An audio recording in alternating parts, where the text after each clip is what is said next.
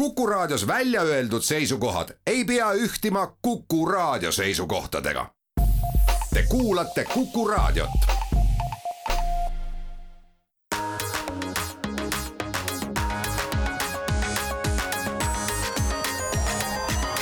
digitund tere hommikust, head Kuku raadio kuulajad, on esmaspäev, kahekümne viies juuli ja algamas on Digitunni saade. stuudios on meil Mait Tafenau ja Andrus Raudsalu ja saate teises pooles liitub meiega külalisena ka Apollo tv tegevjuht Silver Soomre ja temaga räägime siis sellest, et kuidas suvisel ajal saab oma tele, tele, telepaketi võtta kuhugi maale kaasa või suvilasse ja ka sellest, kuidas siis äh, seda telepilti lihtsalt jagada kõigi oma pereliikmetega, aga alustame kõigepealt uudistest, et üks, ma arvan, oluline uudis, mis puudutab väga paljusid Eesti inimesi on äh, siis see, et äh, Google Wallet ehk siis äh, Google'i rahakott on lõpuks Eestis kättesaadav. siiamaani pidid Androidi kasutajad kasutama siis Google Pay nimelist teenust, mis noh, ütleme, et võrreldes näiteks Apple Walletiga on olnud ikkagi natukene piiratud võimalustega, aga, aga sisuliselt, kui mina nüüd selle Google Walleti peale vaatasin, siis noh, oli praktiliselt analoog Apple Walletiga koos kõigi tema mugavuste ja, ja lisateenustega ja lähme siit edasi, et äh, Euroopas oli üks teist sorti probleem, et äh, temperatuurid on äh, väga palju tõusnud ja Inglismaal serverikeskused ei vedanud enam välja, et Google'i Oracle'i serveripargid lülitati välja, kuna temperatuur tänavatel oli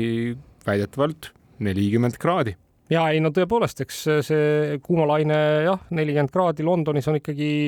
ma arvan, et erakordne ja, ja, ja see muuseas on ka vist noh, vähemalt kirja pandud ajaloo kuumarekord Inglismaal, nii et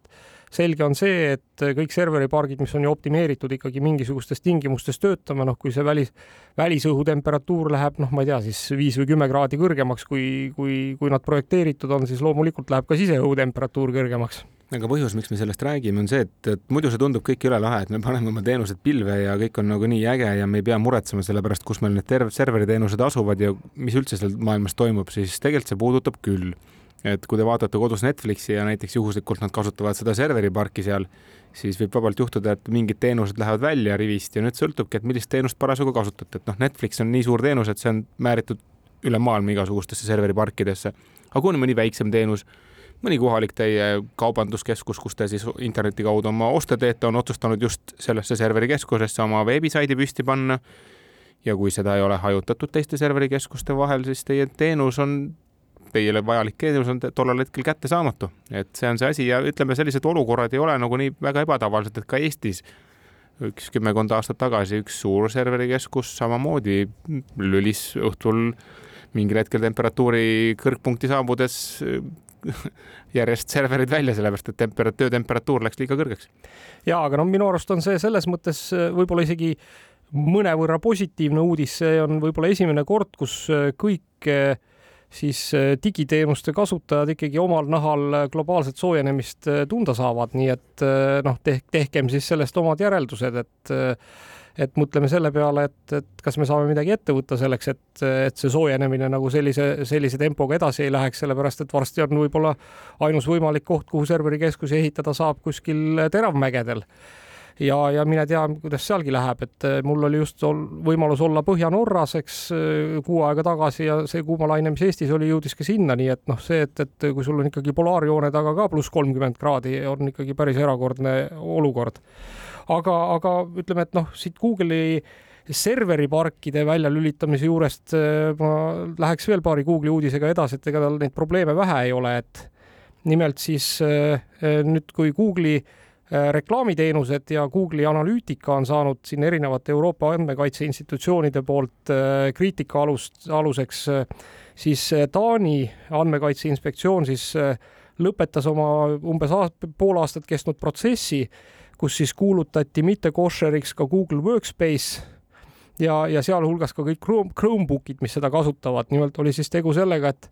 et ühes Taani äh, omavalitsuses siis äh, koolides kasutati Chromebook'e, seal kuidagi siis hoiti ka äh, õpilaste andmeid ja, ja andmekaitse leidis, et need andmed ikkagi rändavad Euroopa Liidust välja ja selle tõttu äh, ei tohi Google'i Workspace'i kasutada no see vist ongi see koht, kus me võib-olla ei adu teinekord, et mis meie tegevuse nagu sisu on, et noh, sa enda arust paned failid üles nagu ikka, aga, aga teatud juhtudel nad ei ole niimoodi, nagu sa ikka teed, et see läheb hoopis teisi radu pidi.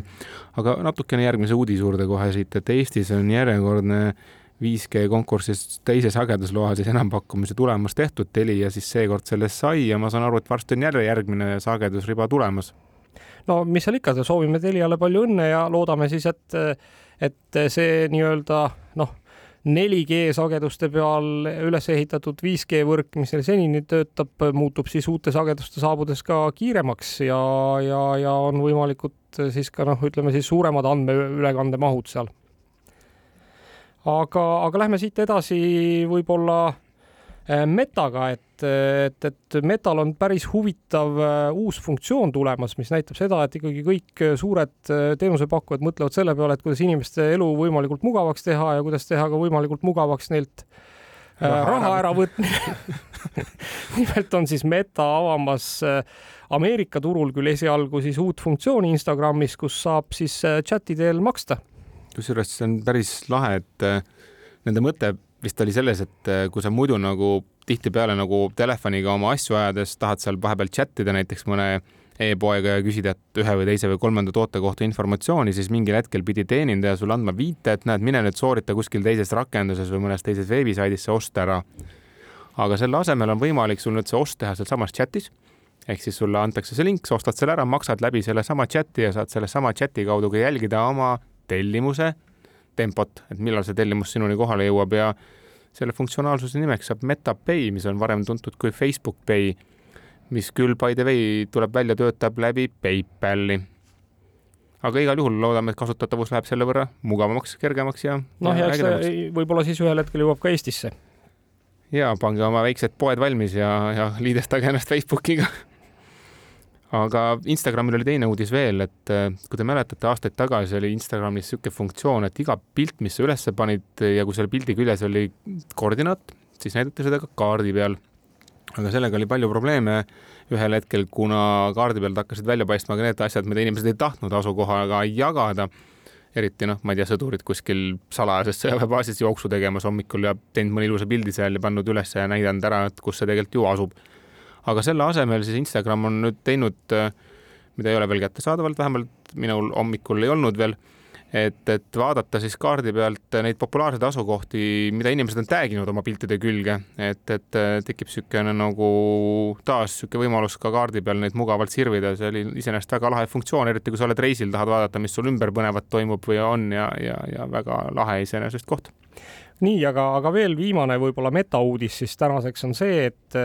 et teatavasti kõikvõimalikud äh, teksti alusel piltide genereerimise äh, tehisintellekti lahendused on viimasel ajal olnud kuumad ja noh, me oleme rääkinud siin ka äh, DALL-ist, mille nimi nüüd tänaseks on küll Cryon ja, ja, ja on ka Google'il, eks, Google Imagen ja, ja nii edasi. ja nüüd siis on ka Meta teatanud, et ka nemad tulevad siis välja oma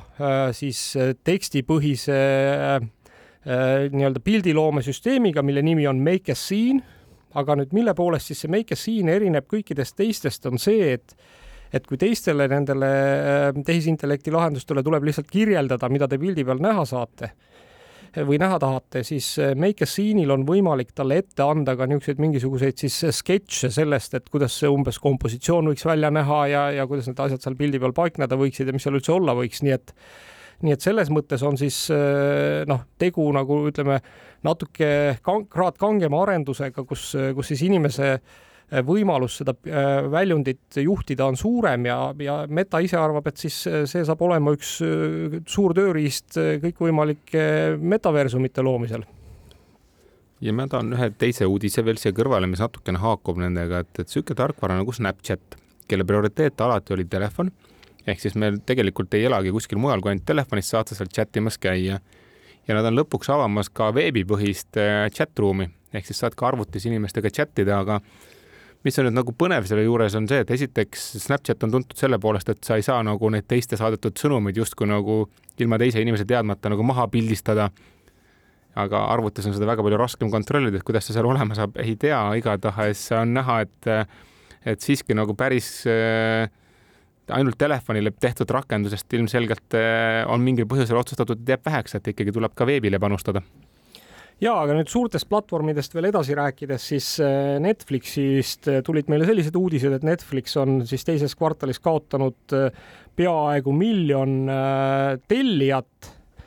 ja, ja, ja noh, ütleme, et, et, et selles valguses siis noh, võiks muidugi oodata, et Netflixil on rasked ajad, aga, aga iseenesest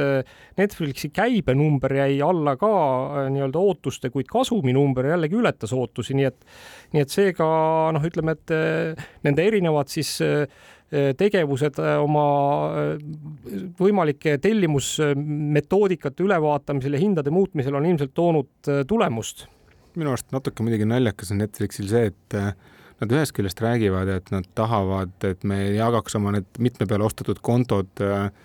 äh, justkui nagu üks, üksikuteks kontodeks, aga samal ajal tõstavad ka hinda, et noh, tegelikult see konto jagamise mõte oli ju see hind soodsamaks saada ja, ja kui sa samal ajal veel tõstad ka hinda, ehk siis tegelikult samale kasutajale läheb see teenus mitte natuke kallimaks, vaid kordades kallimaks, et see on nagu kuidagi eriti keeruline strateegiline valik, ma ütleks. no ega selle, selle tõttu, selle tõttu need miljon kasutajat sealt kadunud ongi ilmselt. no täitsa võimalik, kuigi nende järgmise kvartali eesmärgiks on pandud see miljon tagasi teenida või inimest leida. no just, aga, aga noh, ütleme, et seda, seda muuseas äh, toetab ka see, et äh, kaks tuhat kakskümmend kolm alguses siis siiski tuleb Netflixilt välja ka ilmselt äh, globaalselt siis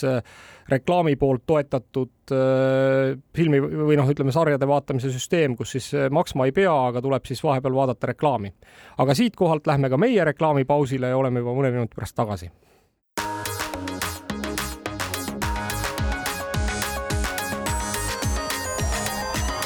digitund digitund jätkab oma teise veerandiga, stuudios on Mait Tafenau ja Andrus Raudsalu ja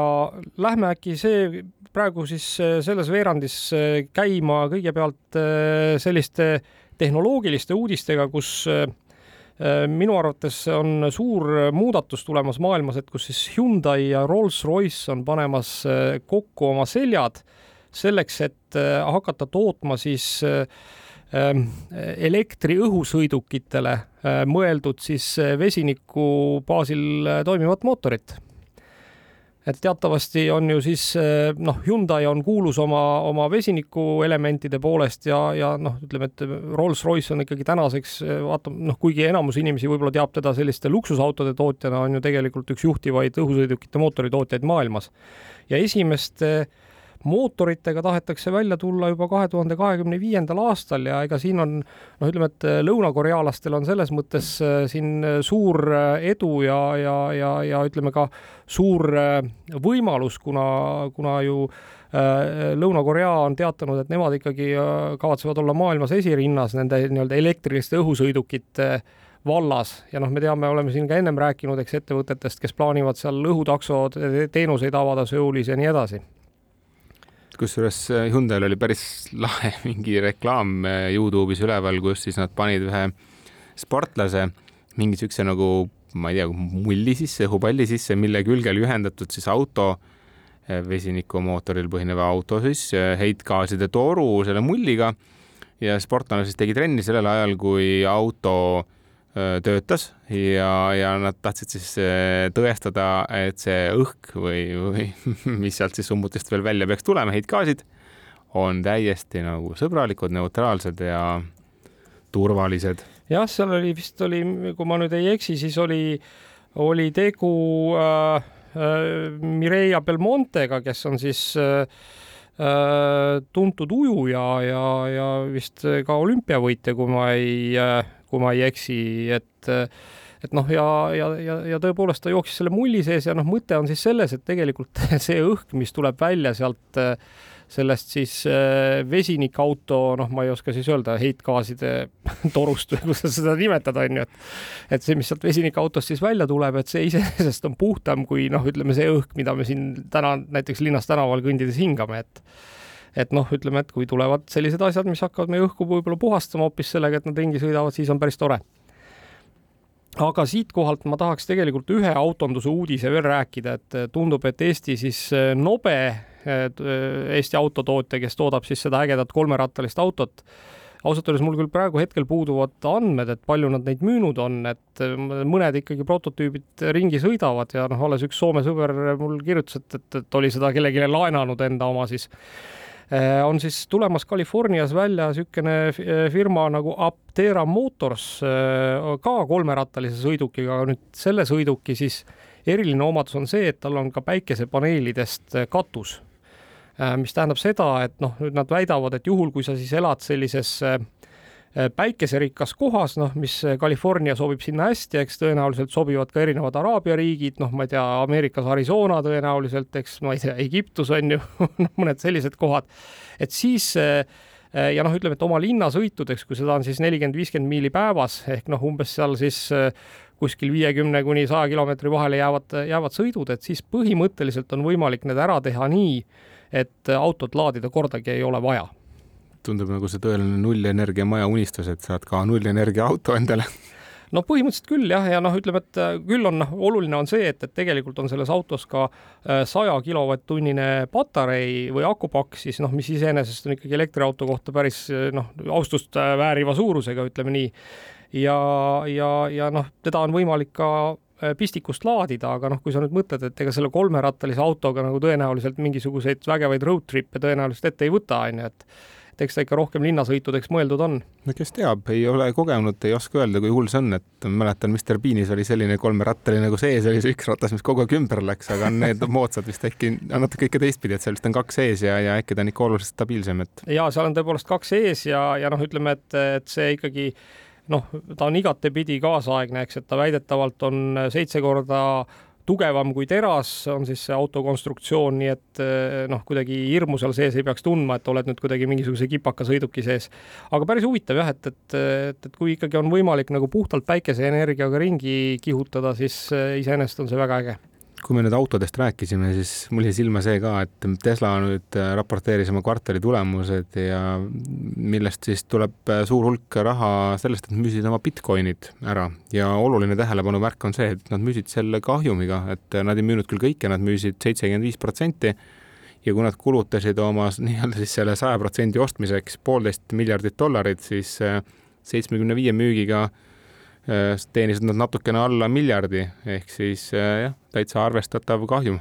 No aga ega see on tänapäeva reaalsus vist paraku, et äh, krüptovarasid noh, või ütleme, krüptorahasid ikkagi enamasti äh, vist tuleb kahjumiga müüa, kui nad seal noh, eelmise aasta jooksul näiteks soetatud on, kus nad olid ikkagi tipus. aga noh, oluline on selle juures ka see, et ühtegi Dogecoini ikkagi Elon Musk maha ei müünud, et neid on tal ka seal Teslas päris kõvasti. no tundub, et ka see kakskümmend viis, mis alles jäeti, nad ikkagi panustavad väiksele tõusule ja teenida see kahjum vähemalt nii palju tagasi, et sealt ka väike kasum tekiks aga tehnoloogia uudiseid veel, et kui me alles hetk tagasi eelmine nädal rääkisime igal pool palju ilusatest James Webbi piltidest, siis on ka tulnud äh, teatavaks fakt, et äh, detsembrist alates on äh, uhket teleskoopi tabanud siis kuus taevakeha. Ja need on küll pisikesed ja nende nähtavaid kahjustusi ei tohiks olla, kuid siiski maikuus kuskil kahekümne kolmanda, kahekümne viienda mai vahel on tabanud äh, ühte sektorit ikkagi palju suurem tükk, mis ka peaks hakkama pildi kvaliteeti mõjutama, et noh, mitte küll niimoodi, et see nüüd noh, tõesti kõik rikutud oleks, aga noh, siiski oluliselt suurem kahju, kui, kui oodati selle niisugusel ajal. Noh, eks tõenäoliselt see tähendab seda, et lihtsalt mingi noh, ma ei tea, tõenäoliselt pead sa neid pilte tegema rohkem, eks, või noh, mingi sektor jääb nagu natuke uduseks, et äh, nii nagu noh ma ei tea, kui digifotoaparaadis seal sensori peal on ka mingisugune tolmu, suuremat sorti tolmutükk, siis eh, noh, ma arvan, et näeme umbes samasugust efekti võib-olla. Võib-olla jah, kuigi ma ütleks fotoka puhul võib-olla see ei pruugi alati nii palju häirida, et sa saad selle täpikese, noh, oleneb, eks ju, noh, oleneb, kui sa terve galaksi saad sellega kinni katad, et sul mingi must sensor on, siis just, just, et teed selle James Wave'iga, teed klooni, onju kloonid kuskilt sinna nagu need pikslid juurde. pilt seda... ilusaks saada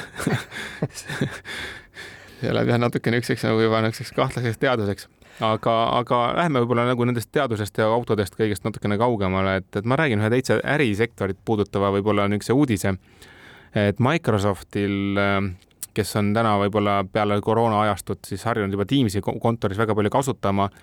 on tulnud siis Jammerile, mis on mõeldud selliseks intranetiks, tööriist, uus versioon, millel on uus ka nimi, Viva Engage. Ja selle mõte peaks olema siis pakkuda teie kontorile selline sotsiaalvõrgustikuga sarnane intranet, et, et ma ei tea, kes teavad või ei tea, et Facebookist on ka olemas Facebook Workplace, mis on siis äh, samasugune Facebook, lihtsalt mõeldud töö intranetiks, töö sotsiaalvõrgustikuks, kus siis äh, võib-olla töötajatel ei olegi kõigil alati emaili ja midagi muud vaja, teete selle Workplace'i konto, saate seal chatis suhelda, intraneti uudised nii-öelda üles visata Facebooki feed'i ja tuttavate funktsioonidega kasutada ja, ja, ja kellel on Microsoft endal majja ostetud, saavad siis seda Viva Engage'i kasutada. aga minu arust, minu arust Mait, seal on ikka üks oluline moment selle asja juures, et et noh, me ju kõik teame, et kõik, mis sa Facebooki üles paned, ei kuulu enam sulle, vaid kuulub Facebookile, et, et, et kuidas seal äh, nende süsteemide juures on, et kas selle Facebooki nii-öelda ärirakenduse juures siis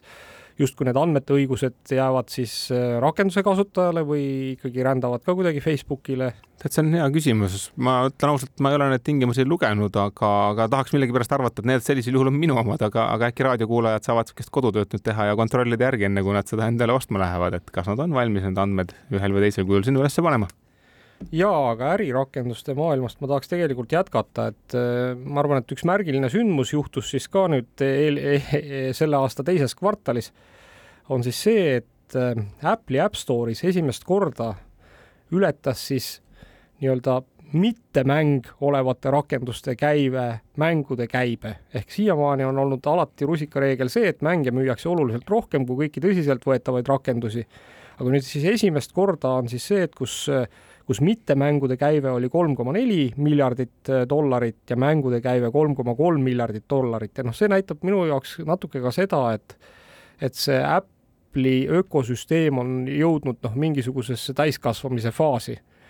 mis tähendab seda, et seal on olemas piisavalt palju neid rakendusi, mille eest inimesed noh, ütleme, et ka töö tegemise või mis iganes muul eesmärgil on valmis raha maksma. ja noh, loomulikult enamus sellest rahast on tegelikult tulnud äh, nii-öelda tellimuste pealt, et noh, et nii, nii nagu enamus rakendusi enam ei ju küsi su käest ühekordset tasu, vaid vaid müüvad sulle subscription'it, siis see on ka tegelikult seda käivet tõstnud oluliselt. jaa, see on kindlasti nagu oluline äh, oluline märk, et äh, muidu oli mängud väga suures osakaalus ju kõikidest nagu nende rakenduste osast üldse, et see kuidagi nagu tõi selle rahva selle seadme juurde ja, ja andis niisuguse väljundi, et noh, tegelikult tuleb välja, et selle seadmega on võimalik ju palju rohkem mõnusaid asju. ja aga muide, muide tuleb mainida, et Androidi ökosüsteemis ei ole see veel muutunud, nii et Androidis on jätkuvalt eel, eelmise kvartali siis andmed on sellised, et mängude eest maksti kaks koma kolm miljardit ja kõige muu eest üks miljard, nii et äh, seal on veel arenemisruumi. no et võib öelda, et Apple'i kasutajad on rohkem tööle orienteeritud ja no, no ma ei tea muidugi, kas see on töö, kas need teised rakendused on ikkagi nagu tööasjad, võib-olla nagu lihtsalt teistsugust entertainment'i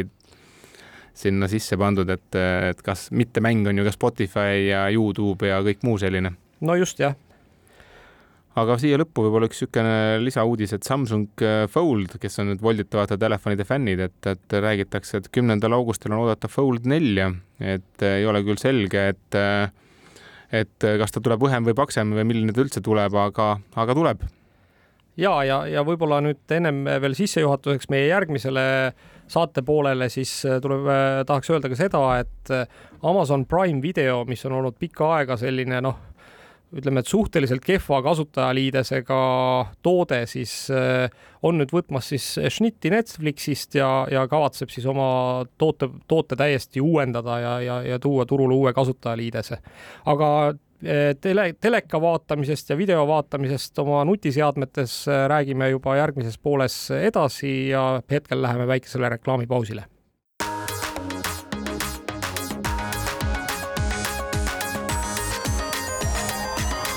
digitund.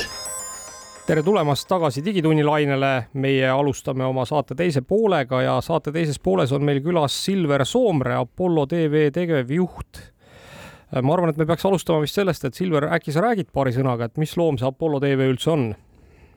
tere päevast Apollo tv jah, on, on nii traditsionaalne teleteenus kui ka tegelikult väga mord-, modernne streaming teenus, et pakume siis äh, nii telekanaleid äh, kui ka väga suurt VOD kataloogi, kus on siis võimalik vaadata erinevaid filme, sarju Eestist, välismaalt ja, ja kõike seda tegelikult väga erinevate seadmete peal, et kasutajal on võimalus vaadata läbi Smart TV telekate, läbi nutiseadmete, läbi veebibrauserite ja, ja loomulikult on meil ka digiboksiga lahendus. nii et äh, teleteenus, meelelahutusteenus äh, igal ajal kõiki, kõikidest seadmetest. kaua te tegutsenud olete? me tulime turule nüüd eelmise aasta veebruari lõpus, et äh, selline natukene alla poole, pooleteist aasta. ja jah, ütleme, et äh, üks äh, uuemaid tegijaid Eesti telemaastikul. Aga mille poolest Apollo tv teistest erineb, et noh, miks on vaja uut teleteenust meie kodudesse? no siin on üsna mitu aspekti, et miks, miks me oleme nii-öelda ellu kutsutud ja, ja ka natukene sellist Eesti telemaastikku äh, uuendanud, et, et üks on kindlasti see, et, et me ei paku ainult klassikalist sellist äh, telekanalitel baseeruvat äh, teenust, et nagu öeldud, et, et meil on suur valik äh, VOD kataloogidest, palju, palju filme, palju, palju muud sisu ja, ja seda kõikidel äh, ekraanidel. Aga teistpidi me keskendume ka väga palju Eesti sisule. ehk äh, meil on eksklusiivsed äh, Eesti filmid, äh, omatoodangu sarjad, see on kõik, kõik see, mida, mida Eesti televaataja vajab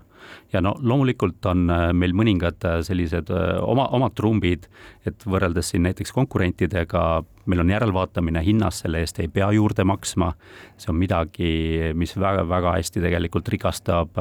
teleri vaatamise kogemust täna, et, et sa saad kogu telekanalitest tuleneva sisu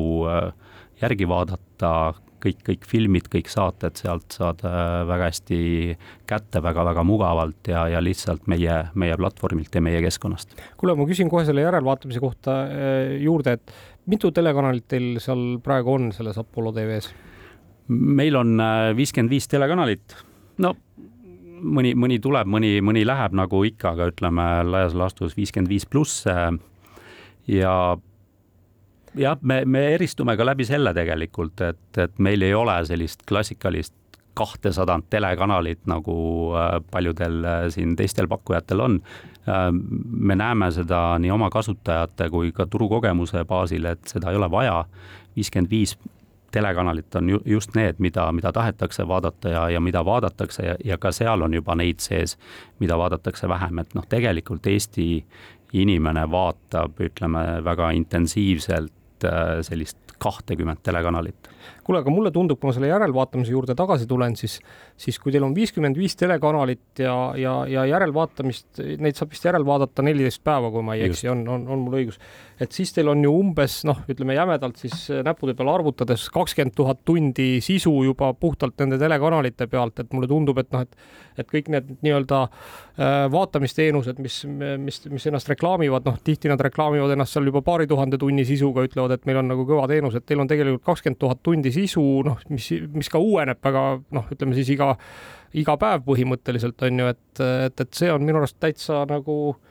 niisugune äh, arvestatav pakkumine, aga ma korra küsiks veel ühte asja, et, et, et räägime korra raadiokuulaja jaoks selgeks, et, et kas VOD tähendab siis seda nii-öelda klassikalist noh, filmiriiulit? nojah, see nüüd oleneb, et kes kuidas filmiriiulit äh, defineerib endale, aga, aga VOD on, on jah, ütleme, ma nimetaks seda sisukataloogiks või et, et need on filmid, need võivad olla ka sarjad, mis on sulle kättesaadavad. ja või võib-olla üks märge siia juurde veel, et, et kellele erinevad lühendid ja terminid meeldivad, et me oleme kindlasti ka OTT teenus. see tähendab uh, over the top uh, inglise keeles ehk uh, meie, meie teenust on võimalik tarbida interneti olemasolul, ei ole tähtsus, kelle internet see on. me ei ole seotud nii-öelda otse ühegi operaatoriga, meie Apollo tv klient võib kasutada kelle iganes internetti ja teenus toimib. ja ma saan aru, et ma võin selle võtta nagu suvalt endale maale kaasa, kui ma lähen puhkama, praegu suvel puhkuste aeg, eks ju, ja jätkata samast kohast, kus ma pooleli jäin, et kui mul oli mingi järelvaatamine pooleli ma saan aru, teenus hoiab selle meeles, kus kohal mul film pooleli jäi ja ma lähen maale, tekib sobiv hetk ja vaatan täpselt samast kohast. no täp-, täpselt nii, et, et äh, see ongi see vabadus, äh, mis me näeme, et noh, tänapäeval sellise modernse teenuse olemus peabki olema kodus äh, näiteks vaatad boksiga või Smart TV-ga, sul on seesama Smart TV näituseks ka suvilas võib-olla teel sinna lapsed vaatavad veel tahvlist, nutitelerist, et kõik nii-öelda kasutusjuhud on kaetud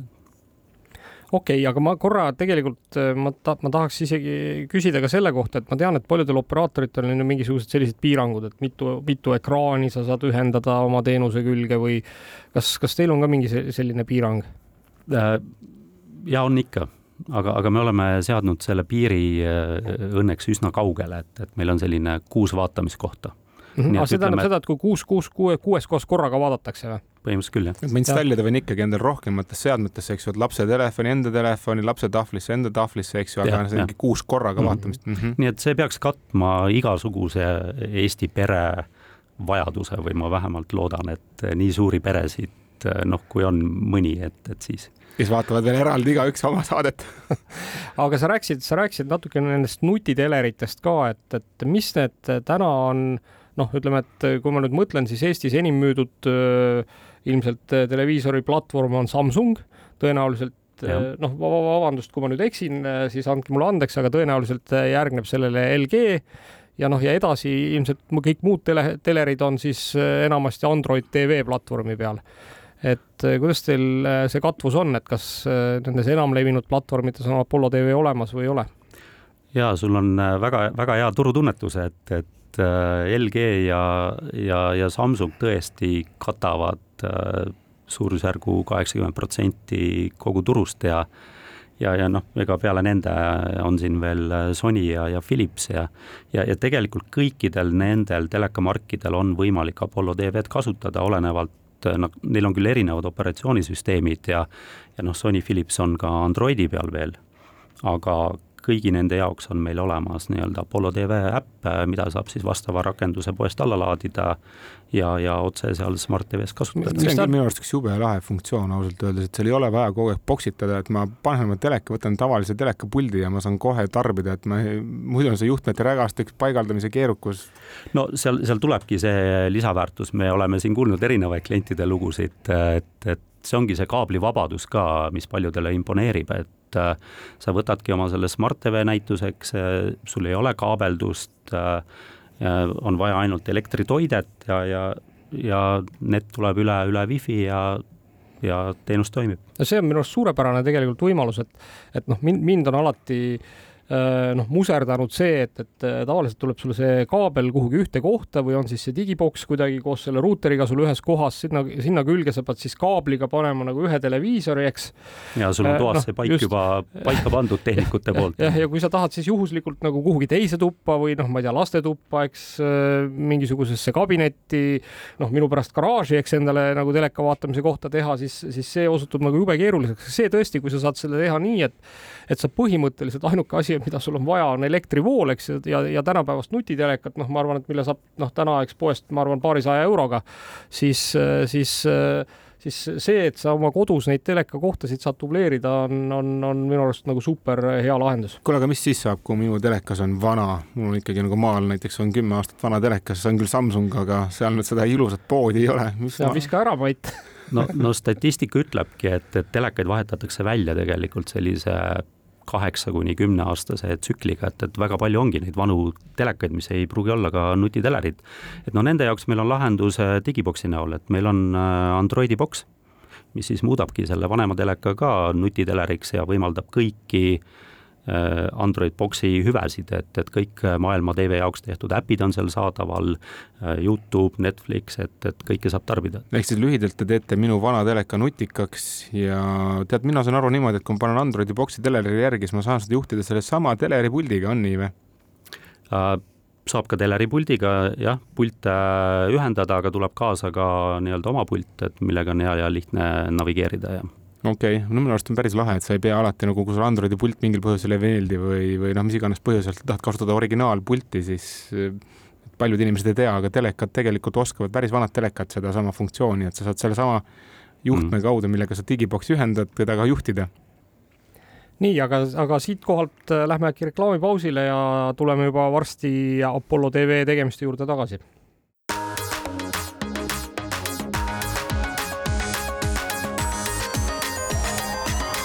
digitund. digitund alustab oma neljanda veerandiga, stuudios on Mait Tafenau ja Andrus Raudsalu ja külas on meil täna Apollo tv tegevjuht Silver Soomre. Ja kui me nüüd eelmises äh, veerandis rääkisime sellest, et äh, kuidas siis äh, Apollo tv töötab super hästi kõikides nutitelekates ja juhul, kui teil on siis mitte väga nutikas telekas, siis on võimalik see telekas nutikaks muuta Apollo tv digiboksi abil, et räägime natuke lähemalt sellest digiboksist, et et see digiboks ju iseenesest ei nõua mingisugust kaabliga internetiühendust, vaid, vaid, vaid töötab samamoodi üle wifi, eks ole ju? Ei nõua, toimib samamoodi üle wifi, on oma baasolemuselt samamoodi OTT lahendus on ju internetipakkujast äh, sõltumatu, äh, mis on Androidi boksi nii-öelda baasfunktsionaalsus või võimekus ongi, et, et, et seal on kõik nii-öelda Android TV-le tehtud äh, äpid äh, Google'i keskkonna vaates olemas, räägime siinkohal noh, kõige tuntumad Youtube, Netflix, Spotify ehk äh, meelelahutus nii äh, vaatamise, kuulamise kui mängimise näol on kõik olemas, pluss igasugused muud rakendused, mis sealt veel leida võib, et kes tahab tõesti ilma teadet jälgida, et, et siis see võimalus on olemas. vot see on minu arust nagu eriti äge, et, et ma ei osta mitte ainult teleteenust, ma saan teie käest nagu täislahenduse selle jaoks, et teha oma telekas nutikaks. et ma olen päris palju märganud, et inimesed vaatavad Youtube'i oma telefonidest, eks ju, aga tegelikult sellelt suurelt ekraanilt on see oluliselt mugavam no mida, mida ma ka inimestele ikkagi alati soovitan, on seda suure ekraani kogemust, et äh, Youtube'is ka näituseks on tegelikult äh, kvaliteet on juba täna nii hea, ka pildi kvaliteet ja, ja ka üleüldse sisu kvaliteet tervikuna. et noh, see on ikkagi täiesti teine tase, kui sa vaatad kuuekümne tollisest või seitsmekümne tollisest. kuule, aga need Youtube'is on päris palju ka 4K sisu, kas teie boks on 4K? jaa, meil, meil on 4K võimekusega boks ja me oleme üks väheseid äh, Eestis, kes pakub ka 4K telekanalit, et, et see on üks looduskanal ja tõe, tõepoolest need äh, kaadrid, need on äh, hunnitud, et, et, et need on tõesti, tõesti väga-väga, väga lahe on see 4K kanal, aga noh, e-, eks te teate ise ka, et, et 4K sisu on vähe. miks seda vähe on, milles see probleem on? eks see ole seotud ikkagi kuludega, 4K tootmine on kindlasti kallim sellega nii-öelda transport, levitamine on kallim, et, et kõik kokkuvõttes teeb selle lõpp-produkti palju-palju kallimaks. minu arust oli päris lahe, et kui kunagi see HD kanalid tulid, siis olid, panid teleka HD peale ja siis ainult enam-vähem paar saadet õhtu jooksul olid HD-s, et kõik ülejäänud olid upscale itud sellest ST-st, karvased ja ruudulised aga kuidas sa näed, et kas seda 4K-d on juurde tulemas, noh, ma, ma kujutan ette, et, et, et nüüd niisugune Apollo tv-sugune firma suudab palju kiiremini reageerida, eks, kui mõni noh, ma ei tea, traditsiooniline kaablioperaator just sellesama nagu ülekande nii-öelda mahtude mõttes, et, et, et teil on võimalus seda võib-olla lihtsamini inimeseni tuua, aga noh, kui me vaatame, et viimaseid olümpiamänge juba salvestati 8K-s, eks, aga noh, tegelikult ja meil on, noh, ma arvan, et et vist on raske leida täna telekat, mis ei toetaks 4K-d, noh, mida ma mõtlen, mis täna hetkel müügil on, kindlasti kodudes neid on, mis ei toeta ka piisavalt, aga aga noh, et, et see sisu ikkagi ei tule järgi, et, et, et, et kas, kas sa näed, et on lähiajal tulemas juurde 4K kanaleid? See on üks paganama hea küsimus ja eriti hea on ennustada tulevikku, on ju, et, et tegelikult see 4K ja 8K haip on ju erinevatel konverentsidel ja, ja seminaridel siin kõvasti üle käinud juba aastaid ja aastaid tagasi, et noh, nagu noh, siin oli näide ST-lt HD-le üleminek, et see võttis tohutult kaua aega tegelikult, noh, me räägime ikkagi väga pikast perioodist, see oli viis kuni seitse aastat, on ju. et mul, mulle tundub, et, et, et jah meid ootab sama pikk periood ees sellele 4K-le ka üleminekul, et tehnoloogia kõik võimaldab, aga siin on palju majanduslikke tegureid äh, tootmise vaates, ülekande vaates, äh, nagu varasemalt öeldud, et et need äh, arengud kahjuks ei, ei realiseeru nii kiiresti, kui tehniline maailm täna võimaldaks tegelikult et jah, et, et me oma ülesehituselt tõesti oleme valmis väga kiiresti reageerima, noh tegelikult oleks võimalik ka tuua uuemaid äh, boksi versioone ja või ka kaheksa K-st ja äh, aga, aga jah, see jääb pigem sinna sisu tootmise poole kinni.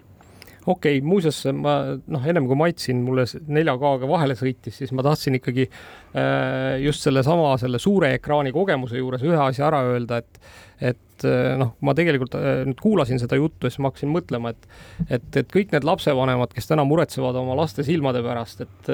just selle tõttu, et nad siis noh, ikkagi tunde ja tunde veedavad vaadates mobiiltelefoni suhteliselt pisikest ekraani ja noh, vahet ei ole, et kas on tegu siis suhteliselt nagu kõrgekvaliteedilise mobiiltelefoni ekraaniga või on niisugune keskpärane ja mitte väga hea pildiga. see väike ekraan ikkagi rikub silmi, et, et, et noh, see investeering tegelikult, et osta nüüd noh, ma arvan, et mingisugune neljakümne kahe tolline tel televiisor maksab noh, ma ei tea, tõesti paarsada, kolmsada eurot võib-olla maksimaalselt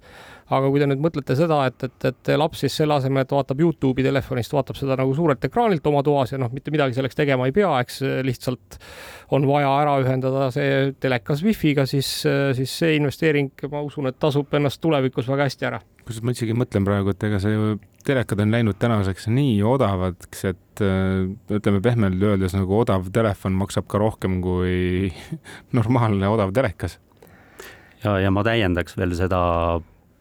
poolt, et ta on ikkagi kogemusena kordades parem kui see väikse tele, telefoni ekraani pealt äh, vaadata võrrelduna tõesti kuue-seitsmekümne tolline telekas, et äh, no ikka film sinu ümber. kuule, aga Apollol on veel mingeid teenuseid, et teil on Apollo internet, mis asi see on? jaa, sellel kevadel me tulime välja oma lairiba internetiga, mis on tegelikult, äh, baseerub siis Äh, nii-öelda ju riigi poolt rajatud ju juurdepääsuvõrkudel ehk et tegu on siis optilise äh, internetiga ja me pakume kiirust äh, üks gigabitt. nii üles kui allalaadimise vaates, et me väiksemate kiirustega ei hakanud isegi tegelema, et, et maailm ja, ja tehnoloogia järjekordselt on ja, ja ka tarkvara on kõik nii kaugele arenenud, et, et võimaldab selliseid suuri kiiruseid optilistel ühendustel äh, vägagi mõistliku kulubaasiga pakkuda, et. siinkohal ma tahaks teile kohe anda mingisuguse preemia et selles mõttes, et, et mulle lihtsalt äh, noh, ütleme, et on üks Eesti suur telekomi operaator, kelle müügimehed mulle ikkagi äh, noh, ütleme, et kord kolme kuu jooksul helistavad ja, ja hakkavad mulle rääkima seda, et nüüd on meil võimalik teie majas pakkuda lausa viiskümmend gigabitti üles ja alla. viiskümmend megabitti, jah või megabitti, vabandust, ma ütlesin gigabitti, viiskümmend megabitti üles ja alla ja noh, ütleme, et et ja kui ma siis üritan neile selgitada, et noh, et armsad sõbrad, et mul ei ole sellega midagi pihta hakata, eks, et mul on majas äh, Äh, mitu inimest, kes äh, samaaegselt striimivad oma mänge, on ju, noh, ma ei tea, on korraga mitmes aknas veel seejuures on ju. et noh, midagi ei ole teha, et, et tegelikult ikkagi mulle tundub, et, et kui see ühendus on noh, ma ei tea, alla kahesaja megabitti, siis, siis tegelikult on see ikkagi nagu tänapäeva tingimustes nagu ropult aeglane ja me näeme sedasama ja, ja sellepärast ka see gigane kiirus on ju, et, et kui me võtame sellise keskmise pere ja, ja tema tarbimiskäitumise ja, ja noh, tahame või ei taha, aga kõik on ikkagi ekraanides, seda videostriimi liigub edasi-tagasi väga, väga palju ja need mahud on suured ja noh, kui me siin rääkisime just neljast K-st ja kaheksast K-st, et äh, tegelikult seda mahtu on vaja ja, ja kui sul on veel taustal mingid äh, teenused, äh, kas, kas turva või midagi, mis peab hästi toimima, et, et noh, siis need ma, ma ütleks, et see üks giga ei ole enam midagi erilist, et, et see on selline mis see maksab? standard see maksab meil kolmkümmend kolm eurot äh, käibemaksuga mm. -hmm. ma arvan, et ma maksan umbes sama palju raha, umbes kolm korda väiksema ribalaiuse eest. ma ütleks, et digiriigi koha pealt tahaks küll tunda kasutajana, et mul ei ole niisuguseid piiranguid no ma pean äh, siinkohal küll ära, ära märkima, et, et me ei paku hetkel seda teenust üle Eesti, et, et me pakume ainult äh, Saku ja, ja Kohila vallas nii-öelda äh, aga, aga vaatame, et, et, et kuidas see, see vastuvõtt on ja, ja järk-järgult hakkame laienema. ma saan aru, et see on teil mingisugune selline test, test nii-öelda siis koht, kus te teete see, et noh, muidu oleks küsimus, et miks just Saku ja Kohila vallas, aga. ja need kohad on valitud meie nii-öelda võrgu topoloogia vaates ja, ja ka ütleme, niisugune klientide kontsentreerituse vaates, et, et, et kus neid nii-öelda äh, riigi poolt rajatud võrke. kuulge, aga siin, siin, siinkohal üleskutse siis äh, Saku ja Kohila valla elanikele, et, et, et kui teil on võimalik ja mõistlik, et ostke seda, ostke seda teenust, et siis ma loodan, et äkki see levib siia kuhugi mujale ka, et ma hea meelega ostaks Tallinnas ka seda teenust. no eks ta nii ole, et mida rohkem ostetakse, seda kiiremini hakkab levima ka, et kuule, aga me esimeses saate pooles rääkisime, et teil on palju Eestis sisu ja, ja mis sisu see on, mis teil on erilist, mida teil on rohkem kui teistel? no ja me algul rääkisime ka sellest, on ju, et, et tegelikult see meelelahutuse üks kogemus on see, et, et sa läbi järelvaatamise saad väga palju sisu kätte ja noh, see sama pädeb ka Eesti sisu kohta, et noh, tegelikult kõigi populaarsete Eesti telekanalite sisu nii otse vaadates, järelvaadates, aga meil on ka väga suur kataloog äh, nii-öelda Eesti filme näituseks, meil on üle saja viiekümne Eesti filmi, arvatavasti suurim kataloog üleüldse operaatorite vaates. Äh, ja, ja kolmanda punktina ma ütleks, et meil on eksklusiivsisu, see on siis äh, äh, filmid äh,, sarjad, mida, mida teistel ei ole, noh, meie praegune kroonijuveel on kin-, kindlasti Melchior. et äh, Melchior üks on äh, praeguselt meie platvormil kättesaadav, samamoodi tulevad Melchior kaks ja kolm. Ja, ja noh, lisaks siis on ka meie omatoodang jällegi siinkohal tahaks tõesti nagu öelda suure kiituse, sellepärast et, et seesama Eesti filmide kataloog on noh, minu jaoks, ma olen ikkagi Eesti filmi suur fänn äh,, on olnud kogu aeg probleem, et, et noh, sa saad küll vaadata mingisuguseid üksikuid filme erinevate operaatorite juurest, aga noh, see ütleme, et sada viiskümmend on juba päris selline noh, ütleme taustust vääriv kogus on ju, et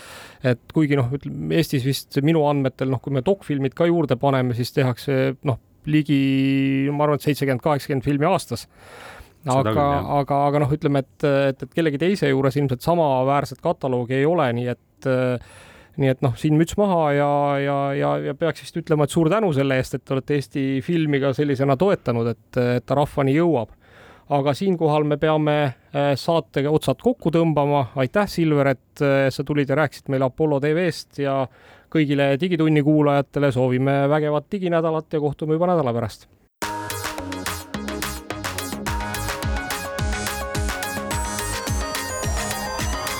digitund